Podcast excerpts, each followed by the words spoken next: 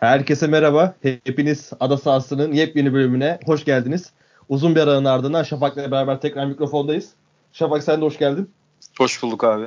Ne yapıyorsun abi? Özledin mi mikrofonu? Vallahi mikrofonu çok özledim. Yani Premier Ligi izleyip konuşamayınca böyle bir alışkanlık olmuş. İnsan bir boşluğa düşüyor. Şu an bayağı yani, keyifliyim yani. Yoğun iş trafiği sebebiyle e, Aynen. yapamadık. Buradan da seyircilerden özür dileyelim. Dinleyicilerden özür dileyelim. Bir de ben şöyle bir durum var ya. Ben içimden aslında şey demiştim. Martial dönene kadar podcast yapmayacağım. Beklediğine değdi o zaman. Beklediğime değdi. Hem Martial döndü hem Fred de gayet iyi döndü. Onu da Manchester gelince konuşmak için sabırsızlanıyorum. Yani City'nin çıkam- çıkamadığı deplasmandan biz çıktık.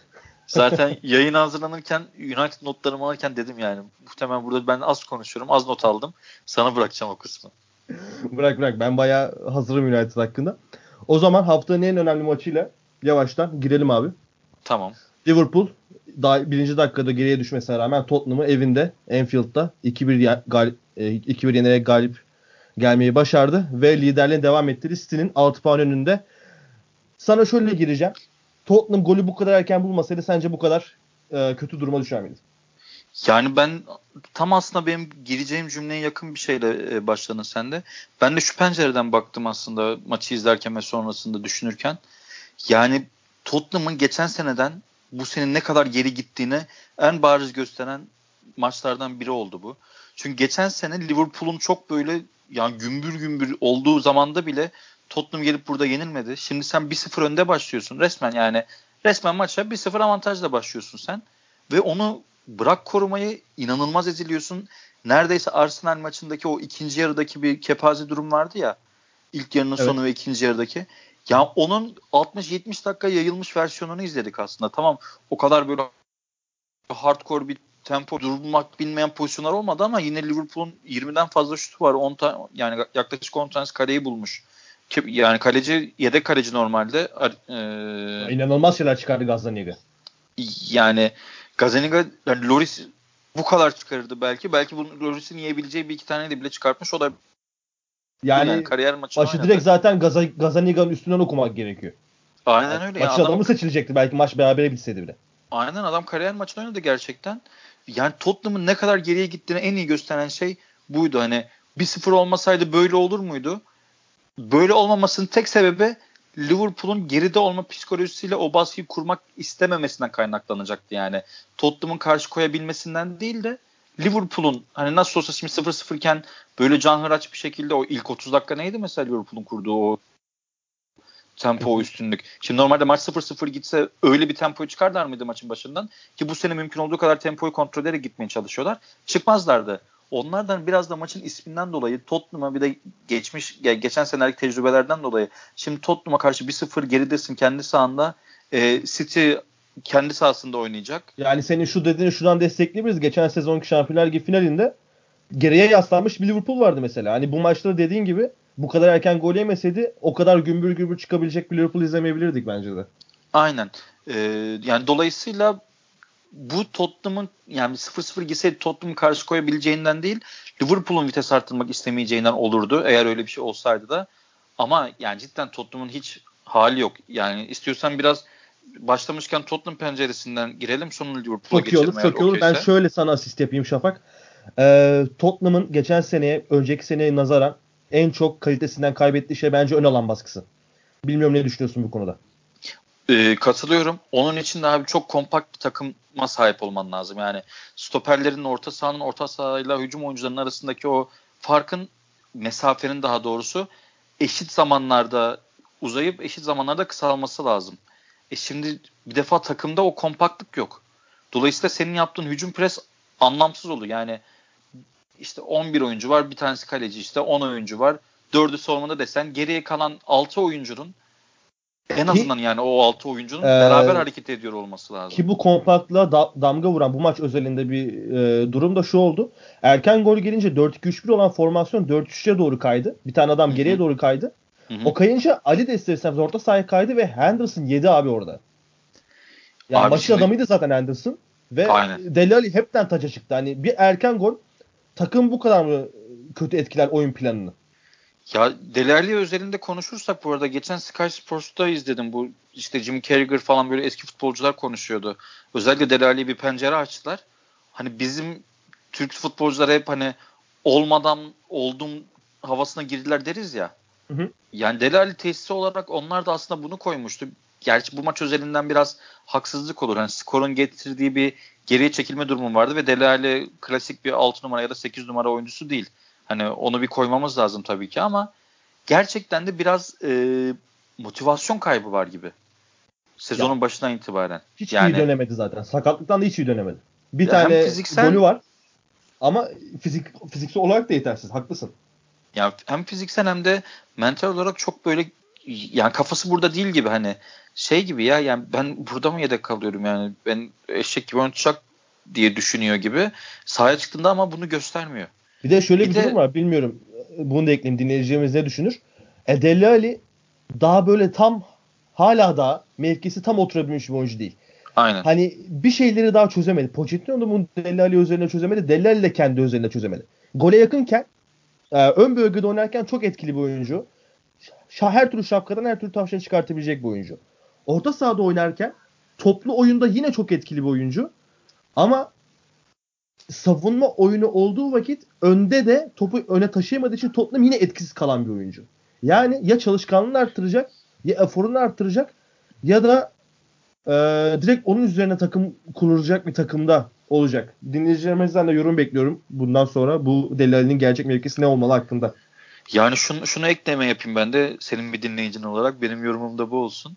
ee, şimdi Delali teması sevmeyen bir oyuncu. Yani ikili mücadeleye gireyim, işte tekmeye kafa uzatayım falan tarzı bir oyuncu değil.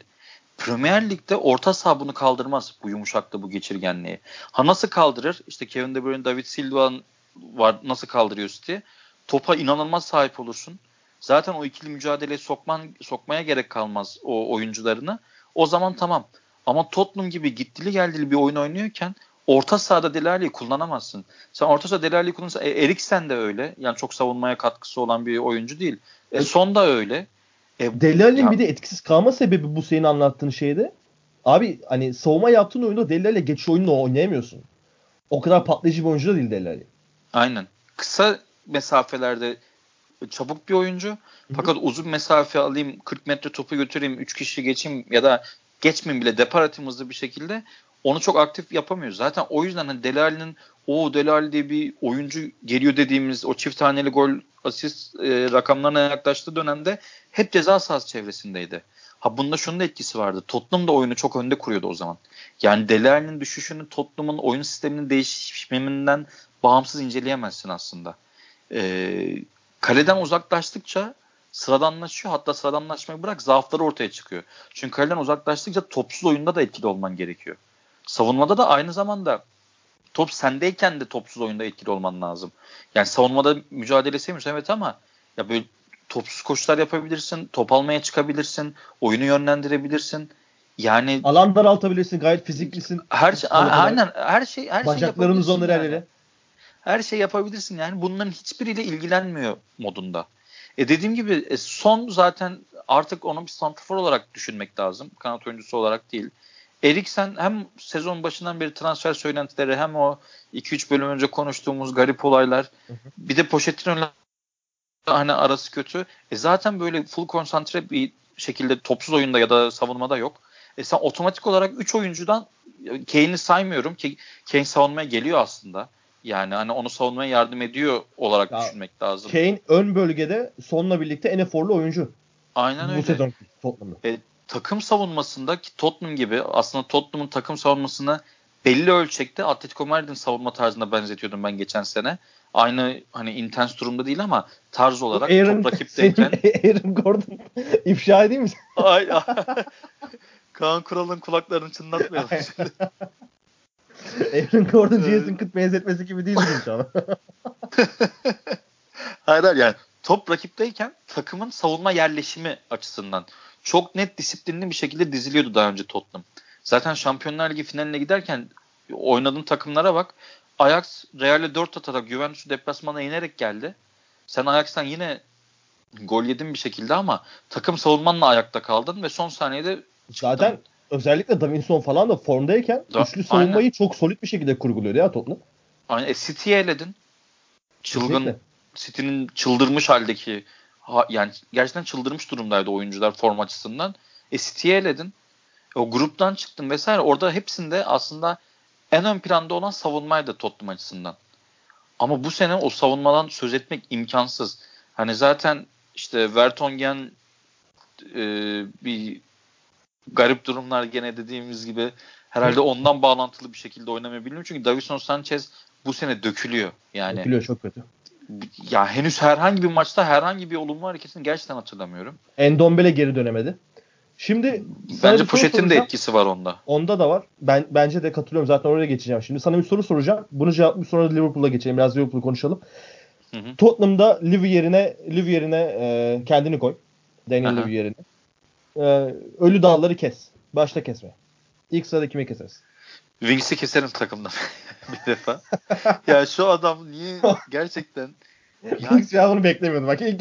abi benim ya şöyle Wings Tottenham gibi bir takım yani bu arada Tottenham tarihsel Tottenham'dan bahsetmiyorum. Son 3 senelik Tottenham'dan bahsediyorum. Yani Tottenham gibi bir takım deyince hani şey gibi seyircilerden şey gelebilir hani Tottenham ne Real Madrid mi ne bileyim United mı ne diyorsun gibi son 2-3 senelik Tottenham'dan bahsediyorum. Bu arada Tottenham İngiltere'de ilk Avrupa Kupası kazanan takımdır. Bu bilgiyi de vereyim. Vay. Yere gelmişken yani geçmişi büyük bir takım ya aslında. Aynen. Teşekkür ederim beni bozduğun için.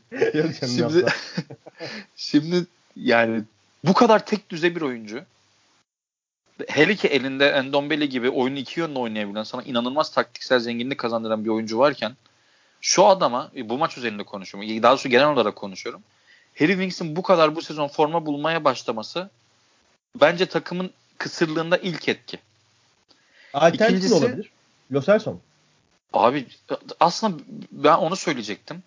Biz Pochettino'ya geçen sene hep ne diyorduk? Elindeki şu kısıtlı kadrolu adam şampiyon gidip final oynadı. Premier Lig'de üçüncü oldu. Helal olsun. Abi kısıtlı kadro, herkes. Ha, aynen kısıtlı kadro kısıtlı kadro dedin. Hepimiz de sana haklısın dedik. Sezon başlarken yönetime gönderme yaptın. Transferleri ben madem yapmıyorum o zaman bana teknik direktör deyin, menajer demeyin dedin. O dedi herkes alkışladı falan. Abi Sesenyon geldi, Lo Celso geldi. Bunları hani Endombele geldi. Hadi o gene biraz daha oynuyor da bunları sen takıma ne zaman monte edeceksin ya? Ne zaman evet. yani? Yani artık kadron dar değil ki. Bu bir bahane Mesaj değil yani. verme kaygısı var mıdır? Kime neyin mesajını veriyor abi mesela? Harry Winks'in oynamasıyla kime mesaj veriyor? yani Eriksen mesela hani kimleri kesersin dedin ya abi Eriksen ne olacak yani? Olmuyor işte hiçbir şey. Uzamıyor, kısalmıyor. Takım bir aidiyet duygusunu kaybetmiş. Ya abi kullanıldığı yer de aşırı yanlış ama şimdi Pochettino bilmiyorum bilerek mi sabote mi etmeye çalışıyor Eriksen'i ama sen Eriksen de kenar çizgisinde verim alamazsın ki. Eriksen alamadığını gördün. lazım abi. Alamadığını da gördün. City maçında da koydun kenara. Alamadı. Hiçbir tane gol alamadı. yedin oradan. Ki sol City kenara maçında da, maçında hepten poşet oldu. Aynen. E, City maçında da kepaze oldun oyun olarak. O maçın evet. 2-2 bitmesi bir ya yani Ederson'la savunma yerleşimi hatası kornerdeki yani. Başka hiçbir şey yok. İkinci sırada kimi kesersin Dal? İkinci yani bu maç üzerinde konuşsa Davison Sanchez'i direkt Kolombiya'ya geri yollarım. Sergio Aurier kesilir. Sergio bayağı bir Sergio, ölü dal hatta yıllardır. Ya Sergio Aurier'i anmak bile istemem açıkçası. Bir, iki hafta oynuyor falan bir şeyler oldu tekrar saçmaladı. Yani Abi hep zaten en de, büyük problemi istikrar olan bir oyuncu. Bir de o ilk oynadığı ve iyi oynadığı maçtan sonra bir açıklama yapmıştı işte. Hani rekabet yok ki zaten. Tabii ki ben oynayacağım. Yani kim oynayacaktı burada diye. Yani bu, buna yani bu haline güvenerek mi bunu söyledi gerçekten bilmiyorum. Aynen Çok öyle. büyük mental problemleri olan bir oyuncu. Yani ya, şu cevap çıkıyor abi. Wings, Eriksen, Davinson, Ore. Bu dördü net. Aynen çok net. Çok yani net. daha iyileştirebilecek olan oyuncular var. Erik Dyer niye düşünmüyor sence Wings yerine? Ha, Ki iki sene önce aynen abi. çok sevdiği bir oyuncuydu Erik Dyer. Yani onu stoper rotasyonunda denedi bazı zamanlar. Şimdi stoperde de öyle bir rotasyona sokmuyor.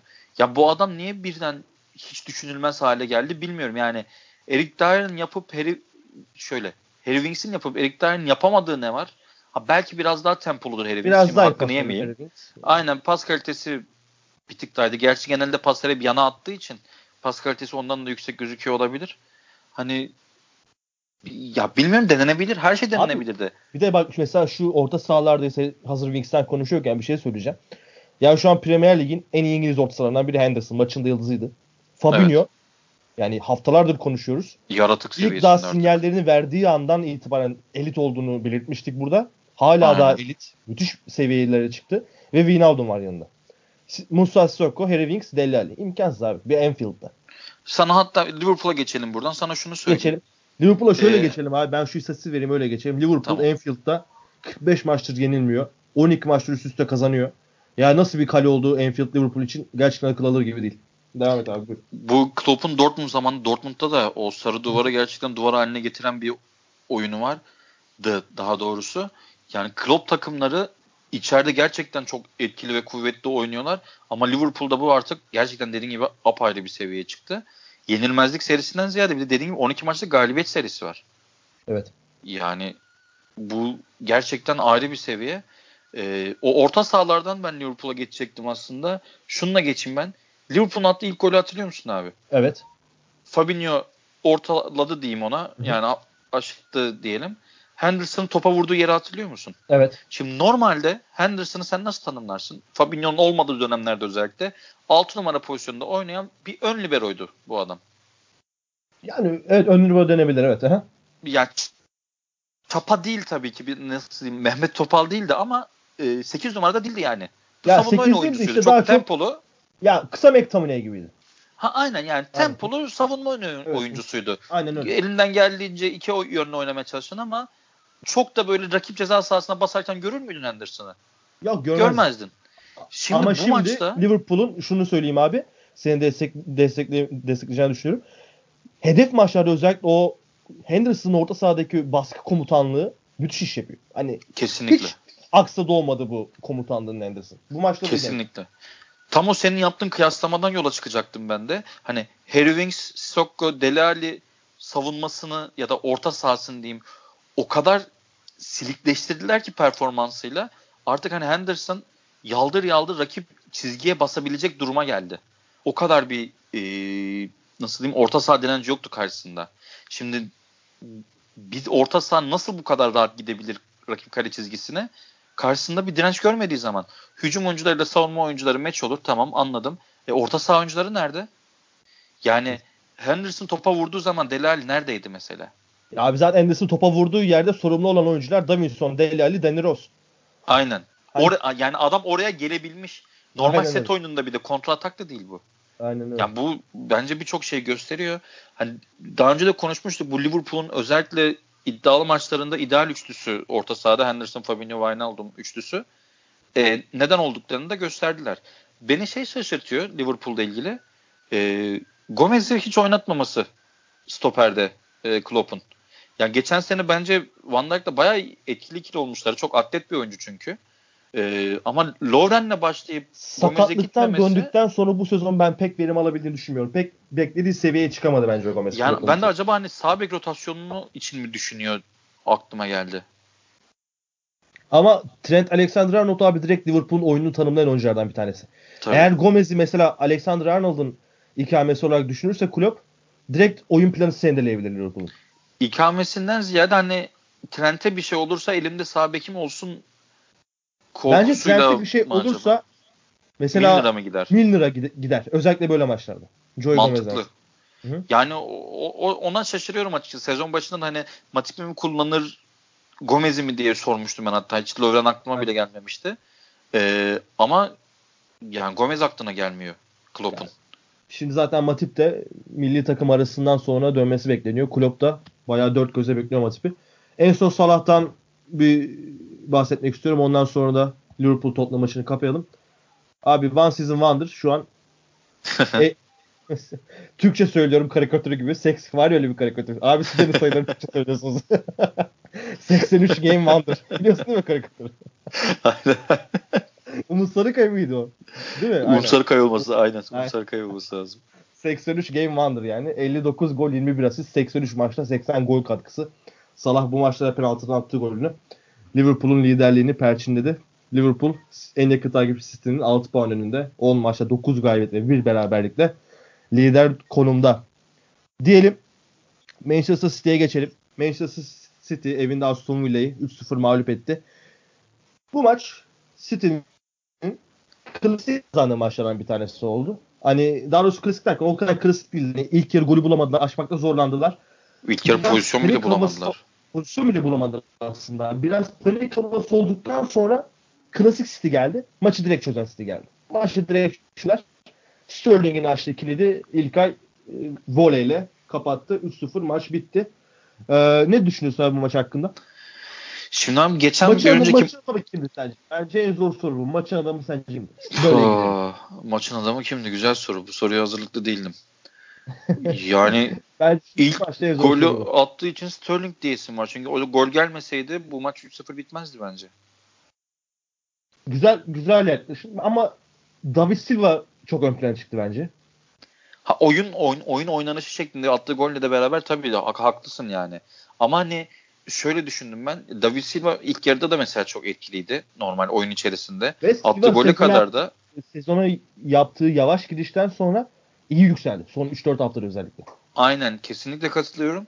Ama işte hani biz yani iç sahada City'nin mesela ben ilk yarıda bu kadar e, heyecanlandırmadığı bir maç hatırlamıyorum yani Wolverhampton maçı da gerçi hani bu tarzda ama Wolverhampton maçında biraz daha böyle bir e, ilk yarıda özellikle bir karambol da olsa pozisyona girme durumu vardı. Ya bu Aston Villa maçında ilk yarıda tabii Aston, Aston Villa'nın 4-5-1'inin de çok etkisi var bunda. Hani 4-1-4-1'in de etkisi var. Orta saha çok pasifize ettiler ellerinden geldikçe. O kanallara beklerin arasında yapılacak koşuları engellemeyi çok iyi başardılar. Ee, ama ya ben ilk yarı hiç beğenmedim açıkçası City'yi. Gerçekten. Dolayısıyla hani oyun genelinde düşündüğümde David Silva tabii ki etkiliydi ama her şey e, Sterling'in attığı golle başladı. Abi, o yüzden dediğin şey çok gittim. doğru. İlk yarıda özellikle Aston Villa'nın oyun planı da çok etkiliydi bu 0-0 bitirilmesinde. Ya bakıyorsun Grealish bile gerideydi. Trezeguet sürekli gerideydi. McGee zaten gerideydi. E, Luis gerideydi gene sizden transfer ettikleri Luis. Yani 10 kişiye savunma yapmaya çalıştılar. Ama bir yerden sonra açılıyorsun. Ve nasıl açıldığı da hani sanki 3 kişiye savunma yapar gibi açıldılar. Gömülerek yani, puan almak zor. Yani bunu e, yıllardır görüyoruz. E tabi. Ya zaten mesela Wolfsberg burada iki tane attı. Özellikle o Kutrone'yi çıkardıktan sonra neredeyse Wolves hiç gömülmedi. Yani savunmasını Aynen. geride kurdu. Ama orada işte mesela bu maçta onu onu söyleyeyim ben de. Bu maçta Wolverhampton maçta arasındaki en büyük fark ilk yarı skor gelmedi. Hatta pozisyon da gelmedi. Evet.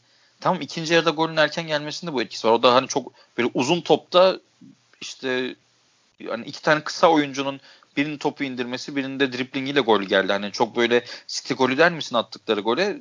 Demezsin yani, aslında. Demem. Ama e, ama en önemli fark şuydu. Wolverhampton maçında panik olunca tabii bunda puan farkının da etkisi vardı Liverpool'da.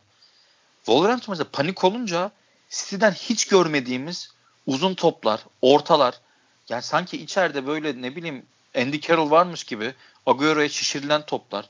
Bir de şişirdiğin takım da Wolverhampton savunması yani. Böyle anlamsız hiç ritüelinde olmayan ataklar olmuştu. Bu maçta skor gelmese de yani pozisyon gelmese de o garip garip ortalardan çok fazla görmedik. Ki bu konuda biraz Cancelo da uyarılmış anladığım kadarıyla. Çünkü o maçta o da biraz böyle Juventus alışkanlığıyla oynuyordu biraz. Aynen Juventus Mesela çok... yerleşik savunmada takım hücuma yerleşmişken 20-30 metreden şut çekiyordu mesela. Genelde biz hep ne yap ne bekleriz? Ceza sahası içerisinden. Hani çizgiye iner ceza sahası içerisinde şutlarını dener. Bir bek oyuncusunun 30 metreden şut çektiğini çok görmeyiz. Kyle Walker atar arada bir ama onunla ceza sahası köşesinden falan atar yani. Cancelo biraz Juventus alışkanlığıyla oynamıştı o maçta. Bu maçta onun biraz uyarıldığını gördüm. E, takım dizilişinde bir fark vardı. O maçta böyle 4-2-3 birimsi bir dizilişe dönmüştü. E, İlkay Rodrigo e, ikilisiyle başladığı zaman ister istemez takım böyle 4-2-3-1 diziliyordu. Fakat yani City'nin alameti farikası 4-3-3. Evet. E şimdi kesinlikle. İlkay, David Silva, Kevin De Bruyne üçlüsü kötü oynadıklarında bile yaratıcılık vaat ediyor sana. Ki işte bir tane uzun top, ondan sonra iki tane duran top. 3-0 oldu sahanda. Yani çok mu gümbür gümbür oynadın? Hayır. Ama ya büyük takım bu şekilde kazanabiliyor. Çünkü yetenekli ayaklara sahip. O yetenekli ayakların mantıklı oynadıkları zaman bir kıymeti oluyor. Wolverhampton maçındaki gibi yani 50 metre 30 metre yandan kenar orta açarak değil. bu maçta olduğu gibi kornerleri de mesela kullanırken yine belli bir düzen içerisinde kullandılar. Çok böyle e, gözü okşadı mı City maçı ya da City'nin oynadığı futbol? Hayır ama kendi sahanda 2-0 kaybetmektense bu şekilde 3-0 kazanmayı herhalde herkes tercih eder. Ee, Guardiola şeyi sordular. E, Laporte'un yokluğunu ne yapacaksınız diye. Çok güzel bir cevap verdi. Onu buradan paylaşayım. İlk, ilk Şampiyonlar Ligi finalimde dedi 2009'da savunmamda 3 tane eksik vardı. Şimdi bu Puyol'un e, sabit falan oynadı maç United'la. Yaya Toure stoper oynadı. Silvino ile falan oynadılar böyle. Yani gittik kazandık dedi. Çok endişelenmiyorum ama Laporte'un dönmesini tabii ki istiyorum dedi. O da çok güzel bir cevap benim için paylaşmak istedim. Ee, bir de şöyle bir durum var. Zinchenko sakatlandı. Evet. 3 ay mı yoktu? 4 ay mı? Yani ilk de ilk yarıyı kapattı. İlk yarıyı kapat. Ben çok dedim ya değil mi? 3-4 ay değil biraz daha az. Yanlış hatırladım ben sanırım. Yani şöyle Hı-hı. zaten şeydeyiz işte. E, Gerçi gene 3 aya geliyor yani. Aynen. Aynen en erken dönmesi zaten Boxing Day zamanına geliyor. O dönemde risk etmez zaten. Aynen öyle. Zinchenko talihsiz bir sakatlık yaşadı. Ee, City Aston Villa 3-0 mağlup etti. Aston Villa'da bir şeyler konuşmak istiyor musun? Aston Villa dediğin gibi gömülerek bir yere kadar direnebiliyorsun. Hele ki bu kadar yetenekli ayaklara karşı. Yani 3-0'dan sonra sadece pozisyonun var. Yani o gol olsa ne olmasa ne. Birazdan mesela Aston Villa'nın Tottenham maçında oynadığı, yenildiği maçta mesela e, yine daha cesur oynuyordu. Biraz sanki böyle düşme korkusuna, puan endişesine girmişler gibi geliyor. Haklı veya haksız bir şekilde. Ama zaten böyle oynarlarsa o korkuyu daha net hissederler. Biraz daha o sezon başındaki gibi hani alt ligden çıkmanın özgüveniyle daha rahat bir şekilde oynaması lazım. Norwich'te şeyde e, Aston Villa'da bu e, eyvah yine mi düşeceğiz acaba korkusunun gelmeye başladığını görüyorum hafif hafif. Sheffield'ın tam tersine. Ya bir de Aston Villa Norwich'i 5'ledi iki hafta önce hatırlarsın. Aynen. Ya geçen hafta da Brighton'ı yendi. Bu galibiyetler çok ilaç gibi geldi gerçekten Aston Villa'ya yani. Aynen yani ve hani işte Norwich maçını saymıyorum ama uzun zamandır böyle Aston Villa'nın böyle ya ne oyun oynadılar dediğini de çok hatırlamıyorum açıkçası. Aynen öyle. Aynen öyle. Ee, o zaman e, City maçında, City Aston Villa maçında burada kapatalım ve Leicester City'ye geçelim. Geçelim. Tarih yazdılar. Ve bu tarihe şeye dikkat ettin mi? Southampton'ın taraftarlar devre arasında çıkmaya başladı. Evet. Abi orada tarih yazacağım bizler çıkarlar mıydı acaba? ee, yani bence tarih yazılacağını tahmin edip çıktılar gibi mi geldi biraz. Öyle mi diyorsun? Yani e, ya işte 45'te 4-0 oldu değil mi? İlk, aynen. 5-0 ilk yer, oldu. 5-0 oldu. 5-0 doğru pardon. Aynen. 45'te 5-0 oldu. Yani e, bu kadarını tahmin etmeden de çıkmış olabilirler. Çünkü ben özellikle 7-0 olduktan sonra hani 57 58 7-0 oldu. O son yarım saatteki Leicester baskısını anlamadım. Ya bu hırsı gerçekten anlamadım. Hani böyle çok böyle ezeli rekabet olur, bir şey olur. Onda bile herhalde 7-0 iken bu kadar çılgınca bastırılmaz. Ya Wardy özellikle zaten hani 94'te gol attıktan sonra hala o sus işaretini yapması orada gariban az kalmış seyircilere karşı o hırsın en temel göstergesiydi. Ya çok enteresandı. Gerçekten. Ben en çok şeye şaşırdım abi. Tabii skor başlı başa şok edici bir skor ama Hasan Utul geçen sezon geldikten sonra ilk ne yapmıştı? Mark Hughes'dan sonra. Takımı üçlüye çevirdi. Üçlüye çevirdi. Çok iyi bir savunma oyunu oynatıyordu takıma. Hani takım gol yiyordu ama savunmadan kaynaklı e, çok hata olmuyordu. Gol de atabiliyordu. Şimdi bu takım bu sezon savunması o kadar kötü ki ve sürekli burada rotasyon, rotasyon dönüyor. Westergaard köşede Bednarek oynuyor. Stephens giriyor içeri. Ee, diğer çocuk oynuyor. Diğer uzun boylu ismini unuttum şimdi. Ee, ee, şey Stephens mı? Stephens dedim. Biri daha vardı da neyse unuttum şimdi. Danso. Yani Danso muydu? Aynen Danso diyorlar. Kevin Danso. Aynen. Yani bakıyorsun şimdi orta saha kadrosu da orta saha kurgusu çok gen, e, genişti. O da dağıldı. O da pek bir şey yapamıyor zaten. Bak baktığı zaman başlı başına çok kaliteli oyuncuları var. Yani 10 kişi kalmasalardı da Bertrand atılmasaydı atılmasaydı da yine çok farklı bir skor olabilirdi. Hani gene 5 olabilirdi. Çünkü hiçbir şey yapamadı abi. Yapmak da istemedi sanki böyle çok reaksiyonsuz, hiçbir şey yapmayan. Hani Harvey Vance rahat rahat açtı ortasında. Chilwell rahat rahat yaptı bindirmesini. Jose Perez 10 maç sonra kendini buldu, kendini hatırlattı. Jamie Ward hat yaptı, gol kralı. şu an. Yani Tilemans müthiş oynadı. Endidi sürekli öndeydi. Yani hiçbir topu öne atalım da herhangi bir kontra deneyelim de olmadı. Sürekli çünkü Leicester öndeydi. Yani bilmiyorum. Çok ilginç bir maçtı. Çok büyük bir rezalet bence. Yani direkt ya, kovulması gerekiyordu bence Hazard'ın. Ben aslında tam ona gelecektim. İlk yarıyı izlerken, ilk yarı bittikten sonra daha doğrusu aklıma şey geldi yani hani acaba oyuncular hocayı göndermek mi istiyor? O kadar vurdum duymaz bir savun yani bu savunamama değil abi. Bu savunmama. Aynen çok vurdum duymaz. O kelimeyi Bilinçli, bulamadın sen söyledin. Hani. Bilinçli bir tercih gibiydi yani. Bu takımın vücut dili ikili mücadele sıfır ya. Yani yani bu kadar kötü olamaz. Gerçekten bir takımın bu kadar kötü oynamaya hakkı yok. Ya kaç tane faal yaptı sence Southampton maç boyunca? Ee, kaç tane yaptı? 3. Cidden bu kadar olması beklemiyordum. Leicester'ın 12 tane faulü var. Yani... Leicester'ın 12 tane faul. Bak 9-0 kazanan takımın 12 tane faulü var. Southampton 3 tane faul ya. Ya bu kadar buyurun geçin falan olmaz ki. Gerçekten Çok abi. Çok ayıp se- ayıp yani. seviyesindeydi yani. Burada yönetimin bir aksiyon alması lazım. Ya hocayı kovacaksın ya kadro dışı bırakacaksın birkaç tane oyuncuyu. Bence de çünkü hani az buz bir şey değil abi. 9 tane gol yiyorsun, evinde yiyorsun. Bir de gol de tamamen 9 tane yiyorsun. Ve takımda hiçbir ulan 9 yemeyeyim diye başını kaldıran bir oyuncu yok. Yani yok abi. Kötüydü. İnanılmaz kötüydü. Leicester'la ilgili de şunu söyleyeyim. Abi mesela Aston Villa ile aynı dizilişte oynuyorlar. Baktın 4-1-4-1 oynuyor. İki takım arasındaki oyun farkına, mantalite farkına bakar mısın? Yani dizilişler aslında belli bir yerde sadece rakamlar oluyor. Öyle Önemli mi? olan senin oyunu nasıl oynamak istediğin. Bu maç üzerinde şimdi bu maç üzerinde çok da konuşamayız yani. Leicester'ı övmemiz için gerçi bu maça da gerek yok. Zaten sezon başından beri çok övülesi bir futbol oynuyorlar. Bir de ligde ee, az gol yiyen takım var bu takım.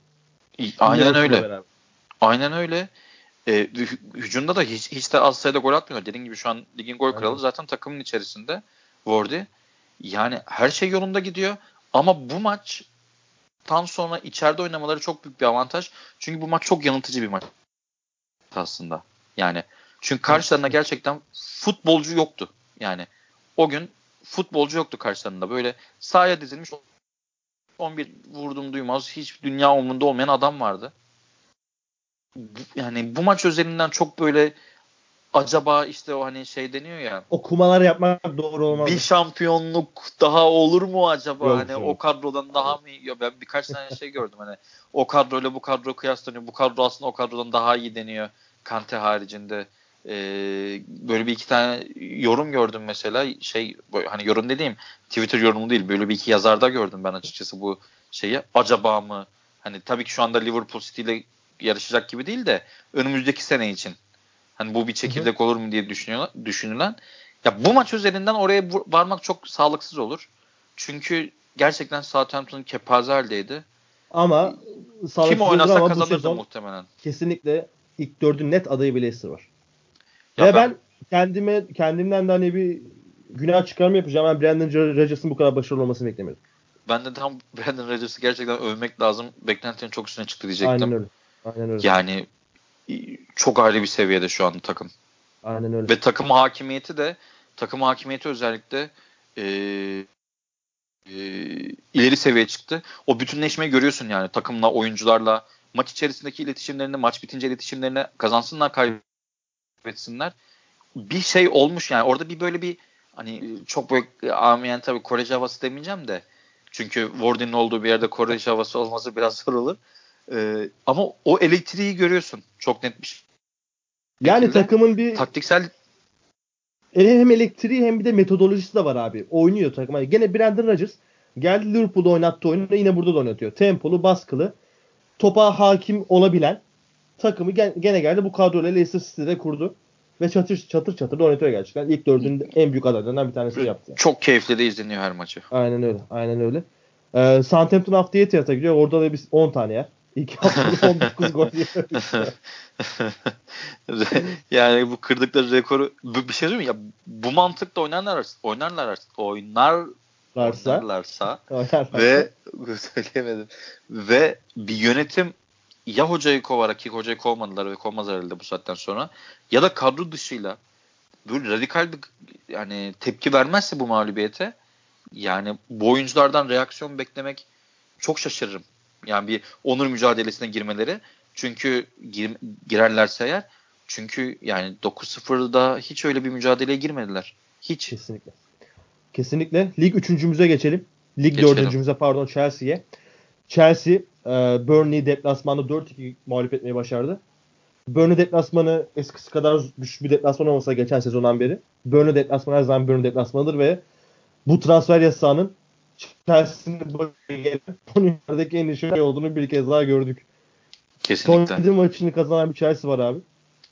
Ee, 7 maçta Grimsby, Brighton, Lille, Southampton, Newcastle, Ajax ve Burnley yendiler. 7 maçta üst üste kazanıyor. Christian Pulisic son 2 haftadır müthiş yükseldi. Kendi tekrar hatırlattı. En önemli olay bu kendisi. Ee, Pulisic hakkında şunu söyleyip konuya girmek istiyorum. Sana atmak istiyorum topu. Kısa alanda Premier Lig'de Pulisic kadar hem pas verebilen hem şut çıkartabilen hem yaratıcı olabilen oyuncu sayısı çok az. Bu kadar kısa alanlarda. Her türlü boşluğu her türlü şekilde değerlendirebiliyor abi. Ki boşlukta yaratabiliyor. Yaratabiliyordu aynen. Çok iyi top sürüyor. Çok iyi bir pasör. İyi, şutları iyi seviyede sayılır. Oyun görüşü iyi. Ee, yani bitiriciliği de güzel. Dortmund'dan beri. Hı hı. Adamın yapmadığı bir şey yok. Komple hücum oyuncusu. Yani Lampard'da çok büyük e, emeği var bence Pulisic'in tekrar kendini hatırlatmasında. Çok iyi sakladı Pulisic sezon başından beri. Ve Pulisic geldi bu maç Turf Moor'da 3 tane golünü atıp hat yaptı. Abi transfer yasağı var diyoruz. Bak şimdi Hı. sana bir kanat rotasyonu sayacağım. Pulisic, Hudson Odoi, Willian, ee, neydi bir de şeyi? Pedro. Ha, Pedro. Ki Pedro aklımıza bile gelmiyor yani. Aynen Şu anda. Ki Mason yani, Mount'un da orada oynadığı oluyor arada. Aynen. Ya hadi onu 10 numarada şey yaptım. Aynen. Çok böyle şımarmamak için. Yani e, gerçekten Allah herkese böyle transfer yasağı nasip etsin. Şafak Eğer... sezon başında şey demişti abi Mason Mount hakkında. Daha doğrusu Mason Mount hakkında değil de Chelsea'nin oyunu kuracağı bölge hakkında. Bak Mason Mount'un oralarda kurdular abi. Sen de böyle bekliyordun. Böyle olursa Hı-hı. daha iyi olur diyordu. Yani gerçekten Hı-hı. ne kadar doğru yorum oldu. Seni tekrar tebrik ediyorum. Eyvallah. Ya şöyle onun konuşurken bak hatır, o, o, o yayını çok iyi hatırladım. Şimdi biz öyle bir hani e, mirastan geliyorduk ki takım. Yani sadece Jorginho'nun oynadığı hani ısı haritası diyelim e, seyircilerimizin gözüne gelmesi için onun ısı haritasıyla şu anki Jorginho'nun ısı haritası arasındaki o mesafe aslında Chelsea'nin golü ne kadar yaklaştığını gösteriyor. E, elinde Mount gibi bir yetenek varsa bu orta saha merkezini ileriye kurmak en mantıklısıydı. Ki bizim gördüğümüzü zaten Lampard'ın görmemesi mümkün değildi. Ve Jorginho ile Mount'un abi ısı haritası gerçekten Chelsea'nin yeni sezonunda kimliğini çok iyi belirleyen iki etmen oldu yani. Kesinlikle abi yani o yani bulunabilse Topla buluşma biz... noktaları, kontrol ettikleri alanlar. Aynen. İkisinin de e, hücumda iyi yetenekleri var. Mason Mount tabii ki Jorginho'dan daha iyi bir hücumcu ama Jorginho aslında iyi bir hücumcu ve savunmada da gözükenden daha iyi, algıdan daha iyi bir Jorginho var. Ya yani, Jorginho şu an şey gibi ya Django Unchained gibi yani zincirlerinden kurtuldu. Kesinlikle kesinlikle öyle çok iyi çok iyi dedin. Yani sezon başında skor tutamayan bir Chelsea vardı ama skor tutmaya evet. da başladılar. Son 7 maçı kazandılar dediğin gibi şu an 4. sıradalar. Buyur abi devam et.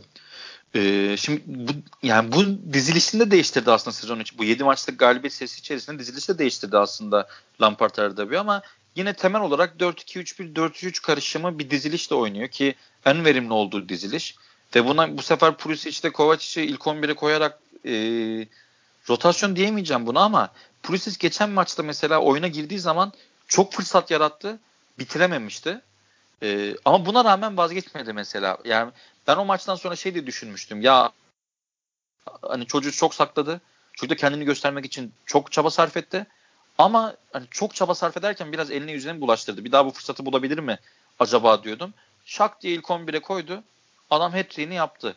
Ki hat yaptı takım dediğin gibi sen girerken çok güzel söyledin hani eski Burnley deplasmanı mı değil kesinlikle.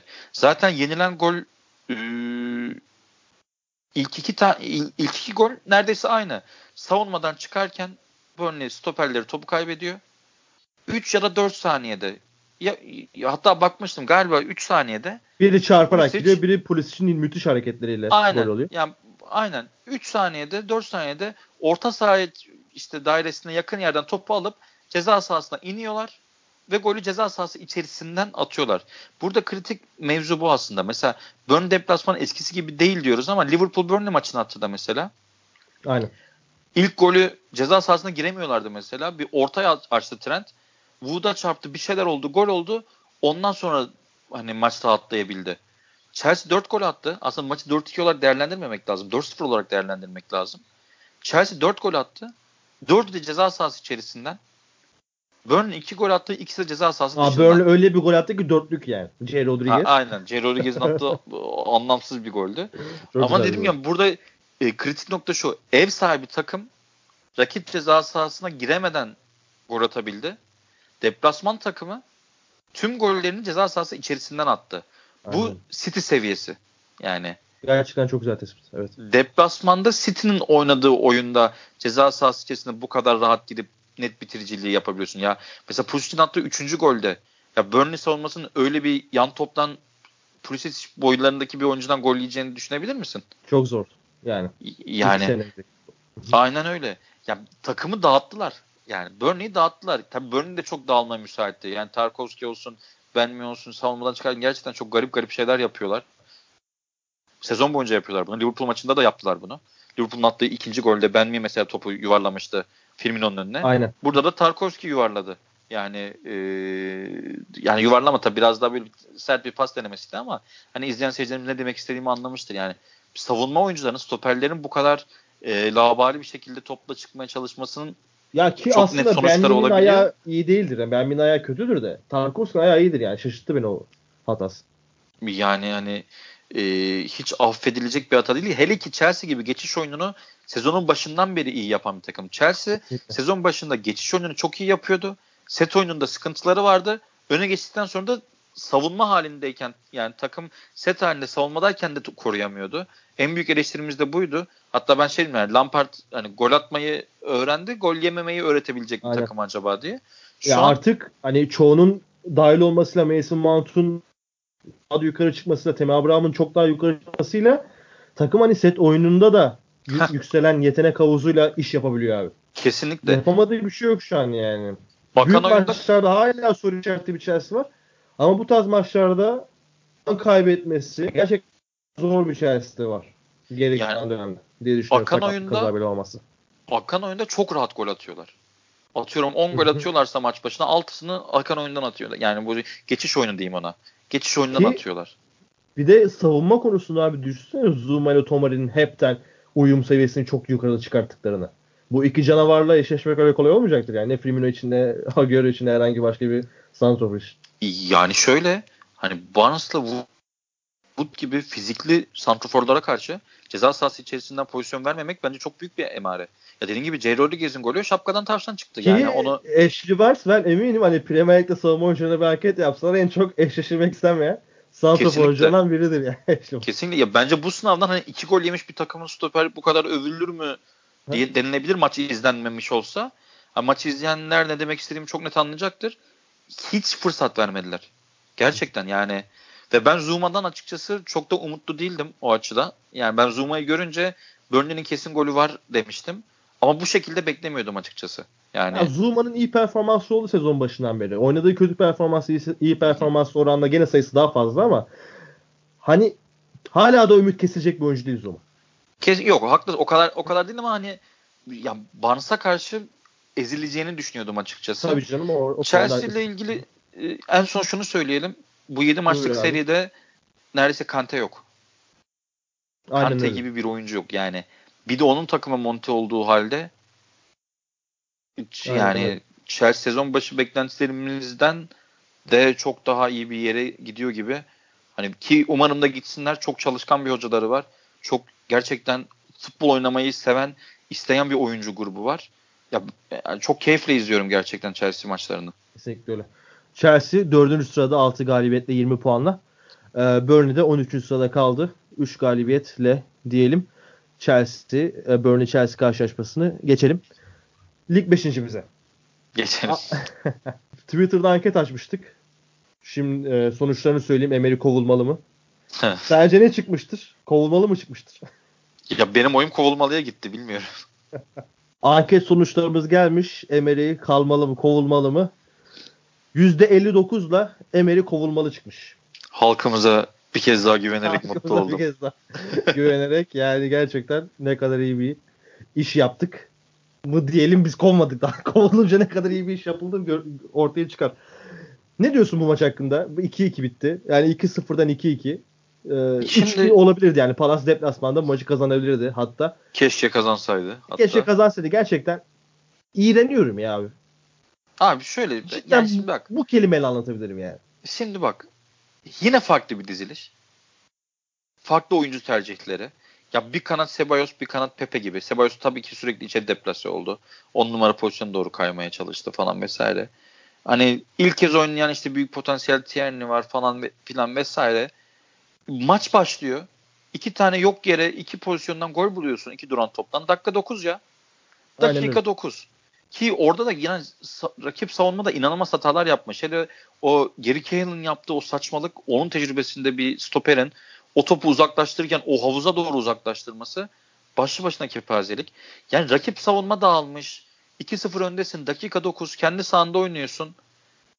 Peki sonra yani sonra maç sonra, 2-0'da 2-2. Hakan oyun 3-2 oldu. Harar 2 ya şunun şu, skoru geç abi.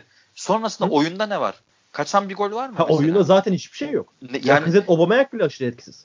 Ya kendi sahanda oynuyorsun ya. Ya bir gol kaçırmaz mısın arkadaş? Bir kontra atak yapmaz mısın? Yani Lacazette Aubameyang da oynuyorsun. Pepe var takımında. Bir Ama kontra atak yapamaz mısın Emery'nin fişini çekti abi çok. Lacazette biraz daha gamsızlaştı gibi son dönemlerde. Gerçi ya abi sakatlıktan biri, diye döndü ama. Yani kim çekecek bilmiyorum ama biri çeksin yani artık. Hani ya duran ya zaten top, bu arada şunu şu an Hı-hı. küçümsemiyorum yanlış anlaşılmasın. Duran toptan gol atmak marifettir. Ya Dünya Arsenal duran top duran topa güvenen bir takım değil ki ama. Yok hayır. Ya değil kesinlikle de hani işte şey olmasın yani hani Emery düşmanlığı gözünüzü kör etmiş evet. olmasın. Duran toptan gol atmak marifettir. Tüm büyük takımlar duran top bir silah olarak kullanır ki Arsenal silah olarak kullanmasa da bu maçlık silah oldu ama bunu eleştirmek için söylemiyorum. Ama dakika 9 2-0 öndesin kendi sahanda ya. Abi yani ya. çok mantıksız. Bak geçen hafta Sheffield'da kaybetmişsin. Saçma sapan. Gene hiçbir şey yapmadın. Yani bu hafta Palace'ı bu 2-0'dan maçı vermemeliydin. Yani bir şekilde gerekirse çık sen sahaya oyna. Hani ne yapması gerek ne yapılması gerekiyorsa yap. Altılı savunmaya dön. Hani bir şey yap. Zaya durdur. Daha çok faul yap. Bir şekilde bu maçtan galibiyet alınmalıydı. Abi gol kaçır ya. Ben o gol yani kaçır. Crystal Palace'tan kendi sana iki tane gol yemen de garip. Ona kesinlikle katılıyorum dediğin gibi. İster 6 savunma ister 8 savunma yap ama ya gol kaçır be adam. Ya bir şey yap. Aynen yani öyle. bir şey olsun ya. Ya bu kadar kötü olamaz. Gerçekten bu kadar kötü olmak. Ya hele yenilen ikinci golde David Luiz'in o e, iki, ikinci tekrarda gözük çok net gözüktü. Böyle top arka direğe açılıyor. Kafasını çevirip o an görüyor Ayev'i. Yani Ayev'in nerede olduğundan haberi bile yok adamın.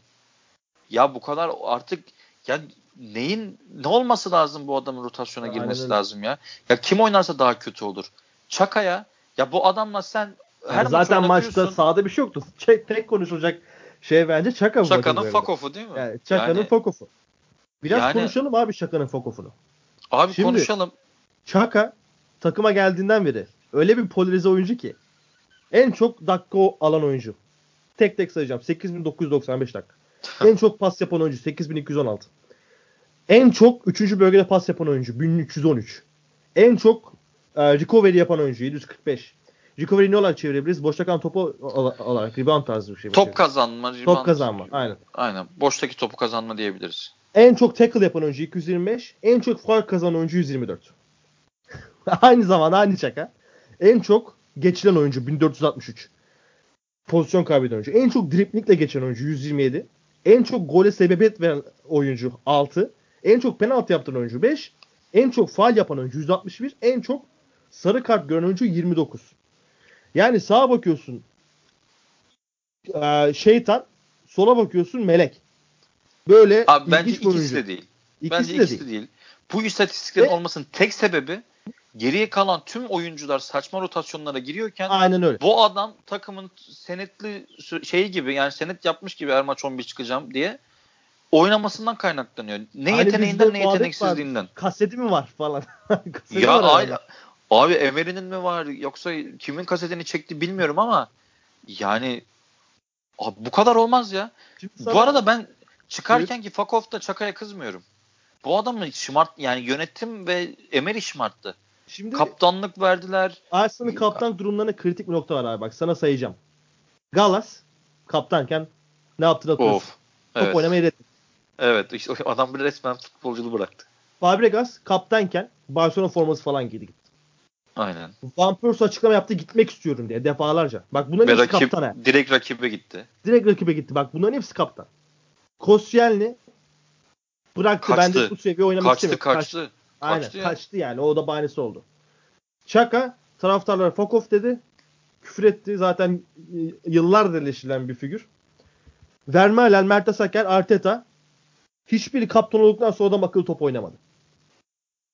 Şimdi Arsenal'da yönetimde mi bu e, kaptanları kaptan yapalım gönderelim tarzı bir durum var. Zaten kötü kaptan yapalım bari tarzı.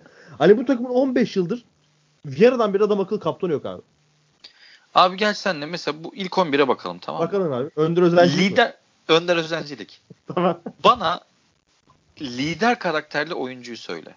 Tierney yeni geldi zaten. Değil. Değil. Sokrates? Ya yapar da yaptırma. Abi Sokrates'in yapacağı yönlendirmeyle yokuş aşağı gidersin. Khalil Chambers'a söylemeyeyim. Yani Tierney ile aynı seviyede benim için. Aynen öyle. Kaptanlık yapabildiği. David Luiz lütfen. Yani ya. lütfen. Yani sormuyorum bile. Önce ama şimdiki David Luiz yani bu kadar error verirken çok zor. Babacım senin kaptanın bu hataları yapsa sen sallar yani, mısın? Hangi yüzde sallar. adam sana gelip sen bu adamı niye kaçırdın diyecek. Ya şu an en kaptan olabilecek oyuncu bilmiyorum katılır mısın Lacazette. O da vurdum duymaz modunda değilse. Genelde girmez o, o moda. Bence Emery'in fişini çektiği için girdi. Lyon'da falan yani zaten kaptandı. Tabii. Lacazette yapabilir. İkinci aday Kolasinac olabilir. Veya Bellerin olabilir. Zaten Bellerin vice captain şu an. Yanlış Aynen. Yok şu ilk 11 için, içinde söyledim. Ha, ilk 11 Ta- yani öyle. Takımda lider karakterli oyuncu yok. İşler kötüye gittiğinde arkadaşlarını toparlayacak oyuncu yok. Abi en lider yani Çaka'nın, ya. ya Çaka'nın şeyi yok abi ciddiyeti yok. Ya ben Genduz'iyim mesela ben tamam mı? Adamımı kaçırdım ya. Olam, olamaz mı? Olabilir 90 dakika içerisinde. Yani Çaka dönüp bana laf etse ya içimden derim ki ya, ya de, de, derim dayı sen ne diyorsun? Ne diyorsun derim ya. Ya şimdi bu adamın birinin kulağını çekip e, konsantrasyon arttırması mümkün mü? Ya dönüp David Luiz'e mesela kulağını çekebiliyor mu? Ya bu David Luiz'e kimse dur demeyecek mi? Bu adam nasıl Premier Lig'de stoper oynuyor? Hala, gerçekten anlam ya gerçekten anlamıyorum. Lütfen bu ses kaydını dinleyen, podcast'ı dinleyen seyircilerimizden yalvarıyorum. Yani ikinci golün tekrarına baksınlar. İkinci golün tekrarını David Luiz'in kafayı çevirip o Ayev'i gördüğü andaki çaresiz surat ifadesi. Aynen öyle. Bu ya hani Rezalet abi David Luiz alıştırdı artık yani kanıksadık diyebiliriz bunları. Ay Ayev eğer... hakkında da bir şey söyleyeceğim bu arada. Dört tane golü var bir sezon. Üçü galibiyet getirdi. Ya adam az ama öz atıyor gerçekten. Hakikaten öyle.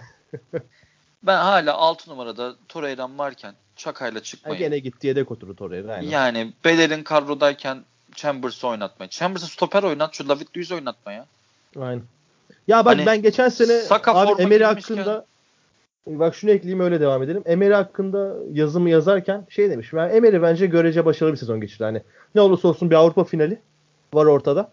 Ve ne olursa olsun Wenger mirasından sonra bir şeyler yapabilen, bir şeyler gösterebilen bir takım var. Ama bu sezon geçen sezondan geriye gitti bu takım. Akıl almaz bir şekilde ve o kadar para harcamışken. Abi sen de sezon başındaki o preview podcast'imizde de bu konuyu tartışmıştık. Hani sen yine görece başarılı ben yine başarısız demiştim. Aynen, sen, evet. Ee, ama ben bu kadarını da bu kadarını beklemiyordum. Aynen şu an kabul Ki puan olarak puan olarak şu an oyunlarının çok ötesinde puan aldılar. Kesinlikle katılıyorum. Buna kesinlikle katılıyorum.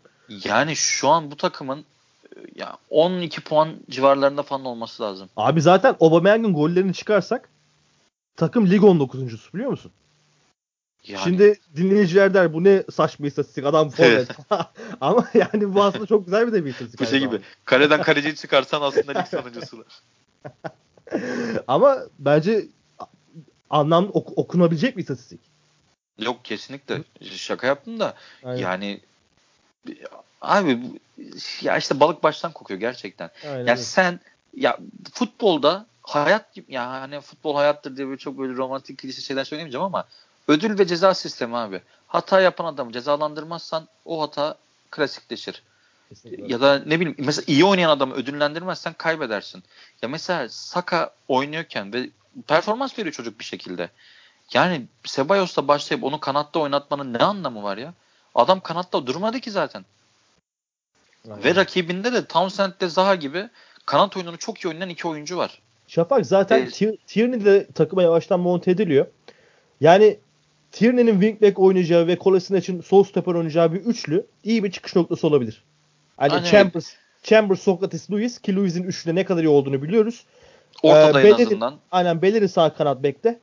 Ee, ortaya Torreira, Gendüz'ü yaparsın. Ceballos hamle adamı olur. Lacazette, Aubameyang biri kenarda oynar. Yani Pepe de bence daha efektif olur bu şekilde çünkü kafası daha çok arkada e, daha çok ım, önüne doğru çalıştırabilir Böyle bir şey deneyebilmeli ve çok da verim alabileceğini düşünüyorum ama bakalım abi, deneyecek. Dene mi? abi. Dene abi Görmek olmasın ya. Ya. Yani 4-2-3-1, 4-3-3, 4-4-2. 4-2-3-1, 4-3-3, 4-4-2. Geçen sene o formu yakaladığı üçlü dönemindeki e, üçlü yapamaması için hiçbir engel yok önünde. Ama yapacak mı göreceğiz. Bakalım kafası ne kadar Emer'in. Bu arada United maçına geçmeden önce United maçında da etkileyecek bir şey de söyleyeceğim.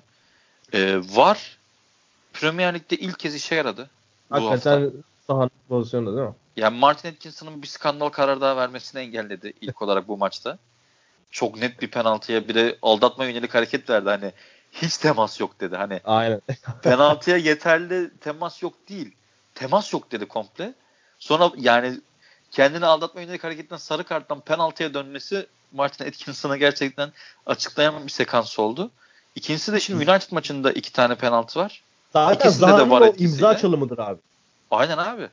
O ya bir de dediğim gibi yani. hani penaltı vermese oyunu devam ettirse zoruma gitmeyecek bu kadar. Hani sonra var uyarsa ve hani temas yok beni aldatmaya yönelik hareket sarı kart deyip ondan sonra aa pardon penaltıymış demek e, gerçekten büyük bir Aynen. E, skandaldı. Da, United'da, United diyordun.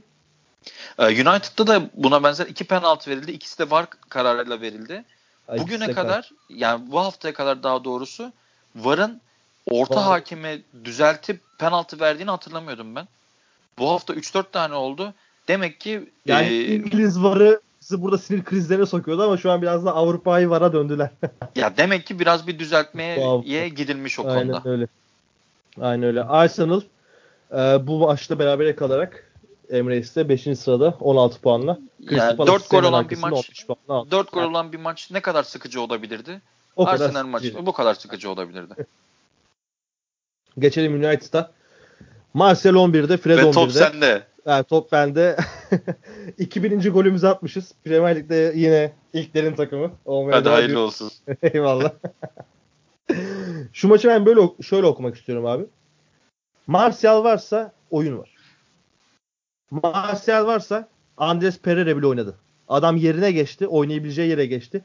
Seninle konuşurken şey demiş. Adam Andres Pereira Sosker gidiyor sağda kullanıyor. Meğersem o da gösterdi Andres Pereira'nın nerede daha verimli olabileceğini. Hani bildiğini mi diyeyim veya sonradan hatasından mı döndüm ama Andres Pereira da oynadı. Rashford da penaltı kaçırmasına rağmen çok iyi oynadı. McTominay 2000. gol attı. Fred Van Bissaka ile beraber en çok top çalan oyuncu ve çok çalışkanlıkta yani bu orta sahaya sınıf atlatabilecek bir oyuncu olduğunu tekrar gösterdi. Kesinlikle. Van Bissaka yine müthiş performans ortaya koydu.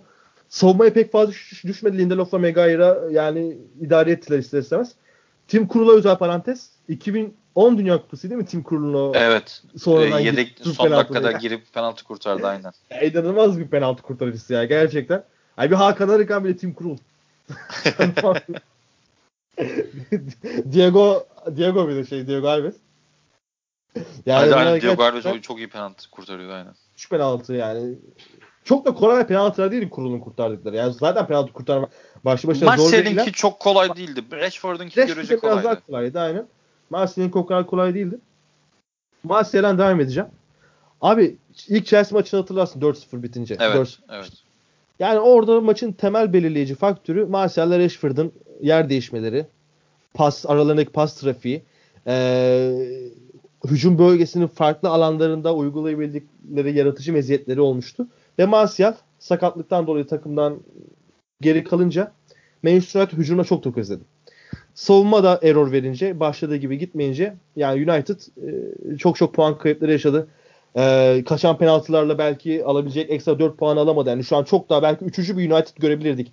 Yani Leicester City'nin bile üstünde olabilirdi. Yani hak ediyor mu? Tabii ki hak etmiyor ama yani ihtimal vardı yani. Öyle onu anlatmaya çalışıyorum. Ama bu maç Martial ne kadar etkili bir oyuncu olduğunu gösterdi. Tekrar United için ne kadar vital bir oyuncu olduğunu kanıtladı. Abi oyuncu de değerlendirirken şu şey çok önemli. Hani bir bakarsın oyuncu sürekli olarak neler yapabiliyor. Mesela gel Martial'den gidelim. Hani Martial sürekli olarak neler yapabiliyor abi.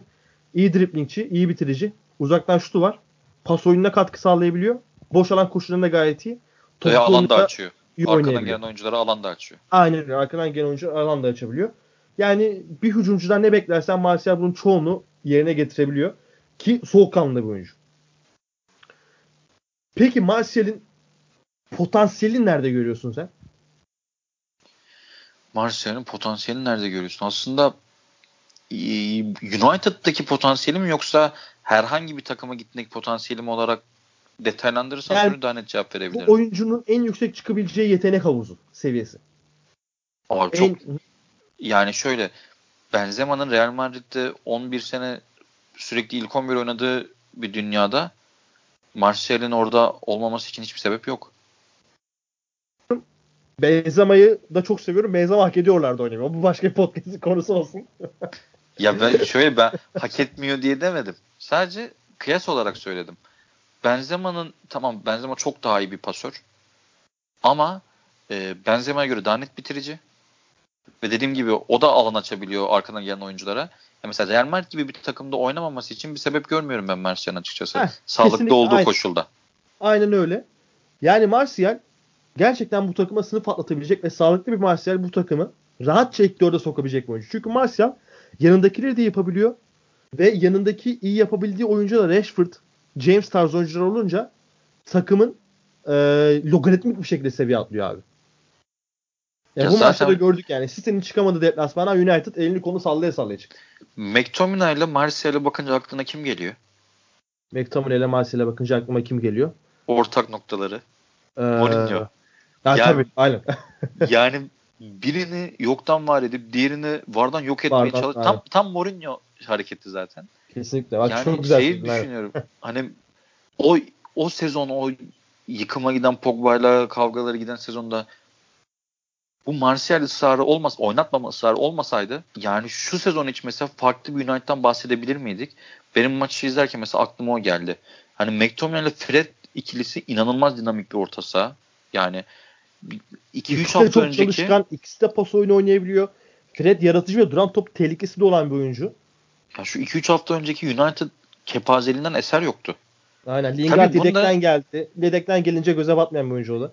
Tabii bunu en son söyleyeceğimi en başta söyleyeyim. Ee, Liverpool ve Norwich maçları yanıltmasın United'ı bence. Hala takımda e, sert bir deplasmanda veya içeride sert bir rakiple oynayacakken bir ölçmek lazım. Zaten ee, kaybettik abi hepsini. ha, yok yok hani bu iki maçın üzerine diyorum. Yoksa şu ana kadar aynı. Hani Leicester maçı hariç bir şekilde Leicester maçı hariç o da 1-0 maçın başından öne geçip e, savunabildiği nadir maçlardan biri. O Leicester maçı hariç zaten or, eşit dengede veya e, daha üst seviyede takımlar karşı tüm mücadeleleri kaybetti zaten o ilk hafta Mesela içerisinde. haftaya Bournemouth maçı var ve Bournemouth son 4 maçlı kazanamıyor. Bu maç çok e, belirleyici olacak. olacak bence. Kesinlikle. Kesinlikle. Olacak. Aynen öyle. Yani, e, bir de şu takımda artık penaltıcı kim karar versinler. Yani. Ya asıl penaltıcı Pogba ama Pogba da sakatlandı. Gerçi Pogba varken de Pogba kullanmadı yani bir aralar. Aynen geçen şey aynen Pogba kullanmadı. Aynen. Pogba da şimdi aralığa kadar yok en az. Onun da sıkıntısını yani ama hissetmeyecek gibi. Şu an bu takım şu an şu beşli orta saha, şu beşli orta saha sağlıklı olduktan sonra McTominay, Fred Pereira, James Rashford beşlisi çok dinamik bir orta saha. Abi ee, bir de ee, Fred öyle bir oyuncu ki hani Fred'i merkez alıp ona göre dizildiğin bir e, dizilişte ona göre pozisyonlarını belirlersen oyuncuların Fred'e göre takım çok daha efektif olabiliyor. Mesela McTominay bunu yapamıyorsun. Yani McTominay oradaki pivot olarak kullanamazsın ama Fred'i kullanabilirsin. Şöyle pivot olarak kullanırsa McTominay'ı orada sadece savunmayı toparlayabilirsin. Topu Aynen öyle. kazandığın anda inanılmaz dar bir açın olur. Fred hem top kazanır hem uzun top yeteneği var. Hem kısa paslarda çok iyi hem patlayıcı Pas açılarını da çok güzel ayarlıyor. çok güzel ayarlıyor. Gerçekten yani Guardiola'nın çok sevdiği bir oyuncu zaten. Guardiola ist- istiyordu Fred'i epeyce. United'a gelmeden önce. Yani Fred'i pivot alıp ona göre tüm takım dizersen bu şekilde bu takım Andres Pereira'da Lingard oynar. Arada e, efendim söyleyeyim Mason Greenwood zaten yedekten girer, iş yapar. Garner orta sahada iyi holding olabilecek genç bir oyuncu o da. O da çok FA potansiyelli bir oyuncu. Yani Martial sağlıklı kalmaya devam ederse ilk yarıyı ben bu takımın ilk 5'te geçebileceğini rahatlıkla ilk 5'te geçebileceğini düşünüyorum. Ya şöyle bu sayın oyuncuların hepsi aslında potansiyel. Kesinlikle. Yani olmuş oyuncu değil. Şimdi United seviyesinde bir takımda bizim alışa alışıla gelmiş United'da potansiyeller olmuş süper yıldızların yanında pişerken görüyorduk hep biz. Kesinlikle. Hı hı. Şimdi hepsinin aynı anda pişmesini bekliyoruz.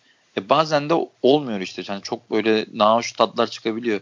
Bu son bir aydır United'ın hal- halinde olduğu gibi. Ha dediğin gibi Martial'in orada olması otomatik olarak mesela Rashford'u ayağa kaldırıyor. Otomatik olarak ya sahada Martial'i görünce onun da performansı inanılmaz artıyor. E Rashford toparlayınca James de daha rahat alan bulabiliyor. E James alan bulunca yaratıcılık katıyor takıma. Kesinlikle. Dolayısıyla birbirlerini tetikleyen bir böyle bir e, denkleme giriyorlar. Ki şu Ama- varlık içindeki yoklukta hani United'ı çok iyi tanımlanacak bir söz abi. Varlık içindeki Aynen. yoklukta Martial üstüne takım kurabileceğin bir oyuncu. Her türlü. Aynen. Ama dediğim gibi Çok hani daha yükselebilir yani. O yüzden de sormuştum ben sana başta potansiyelin. bu potansiyellerin tavanına yaklaştığı durumda ilk 5 olabilir tabii ki ilk yarı biterken. Ama hani ben e, şimdi Norwich'e bakarak çünkü ya en basitinden Rashford'un attığı golü hatırla. James'in açtığı uzun top var ya. Evet. Savunma yerleşme hatırlıyor musun Norwich'in? Ne haldeydi? Yani, Yani evet. hı. yani şimdi e, tamam Southampton seviyesinde değil ama Norwich de çok kötü halde. Gerçekten Zaten çok kötü halde. Southampton yediği 9 golü sayma. Norwich en çok gol yiyen takım. Ha, yani çok kötü durumdalar. E, o City O başlangıçtaki beri- özellikle ilk 5 haftadaki hızı kaybettiler. çünkü artık topu kazandıklarında e, tahmin edilebilir bir oyunları var. Aynen. Sheffield gibi değil mesela. Mesela Aston Villa'nın yaşadığı problemlerden biri de o. Çünkü çok Sheffield'ın temel kaliteli prensipler bir orta saha göbek rotasyonu var mesela. Çünkü çok temel prensiplerle hücum yapıyorlar ve her takım e, aşağı yukarı rakibinden ne geleceğini biliyor. E, yeni bir şey de üretemediğin zaman e, top kaybettiğinde sürekli rakip üzerine geliyor. E, senin savunma oyuncuların yaş ortalaması belli, kaliteleri belli. Yani Aynen e, öyle. Yani daha iyisini bekleyemezsin. Dediğin çok doğru. Kolay çözülebilecek bir takım. Çözüm yolu da şöyle. Yani Norwich'in amacı direkt çıkmak. Olabildiğince evelemeden gevelemeden topu rakip yarı sahaya e, çıkarmak. Bir tane e, çıpa koyarsın. Bek oyuncularını daha hızlı oy- oyuncular seçersin. Yani Bisakka gibi acayip bir bir oyuncu mesela. Yani Norwich hiçbir şey yapamıyor oluyor zaten. Ki Bisakka'ya da bir istatistik verelim. Ee, bu sezon ikinci kez 10 ve üzeri yani çift tanelerde e, top çalma yaptı. Bunu galiba back to back yapan en son Evra varmış e, United'da. Çok uzun Yani- zaman önce. Premier Lig'in fantezisi NBA gibi olsa kesinlikle alabilecek, alacağım bir oyuncu yani. Covington Aynen. Ya aynen gerçekten e, garip bir seviyeye ulaştı o bu maçta savunma özelinde. Ama hani ilk başta dediğimiz sonular tekrar diyeyim. Yani Norwich maçı çok bir hani United'da bahar gelmiş değil. Yani Liverpool beraberliği Tabii. ve Hak-. Norwich galibiyeti hani erken açan çiçeğe aldanma olmasın. Ya, şimdi Bournemouth da gerçi çok düşüşte. Şimdi e, sahasında Bournemouth'u da yenebilir. Sonra bir bakarsın 3 maç 7 puan yapmış olur ama e, henüz bir oyun kalitesinden bahsetmek için biraz erken ama Solskjaer'de Martial'in gelmesiyle beraber o da illaki biraz rahatlamıştır. Aynen öyle. Tamamladık. Abi var mı 10. hafta eklemek istediğin bir şey? Abi Marco Silva out. Onun Ya haricinde hakikaten çok sıkıldım ya. yani Tekrar Marco Silva konuşmayalım. İnan istemiyorum. yok Çünkü... sadece out dedim ve bitirdim. Aynen. Yani neyse. Ve Chris Wilder'a sevgiler saygılar. Wilder hakikaten büyük sevgiler. Yani bu takım 8. sıradaysa ve bu oyunu oynayabiliyorsa Aynen. gerçekten Wilder'ın payı çok büyük. Aynen kesinlikle. Programımızın burada sonuna geldik. Ee, dinleyicileri dinledikleri için teşekkür ederim. Haftaya tekrar görüşmek üzere. Hoşçakalın. Hoşça kalın.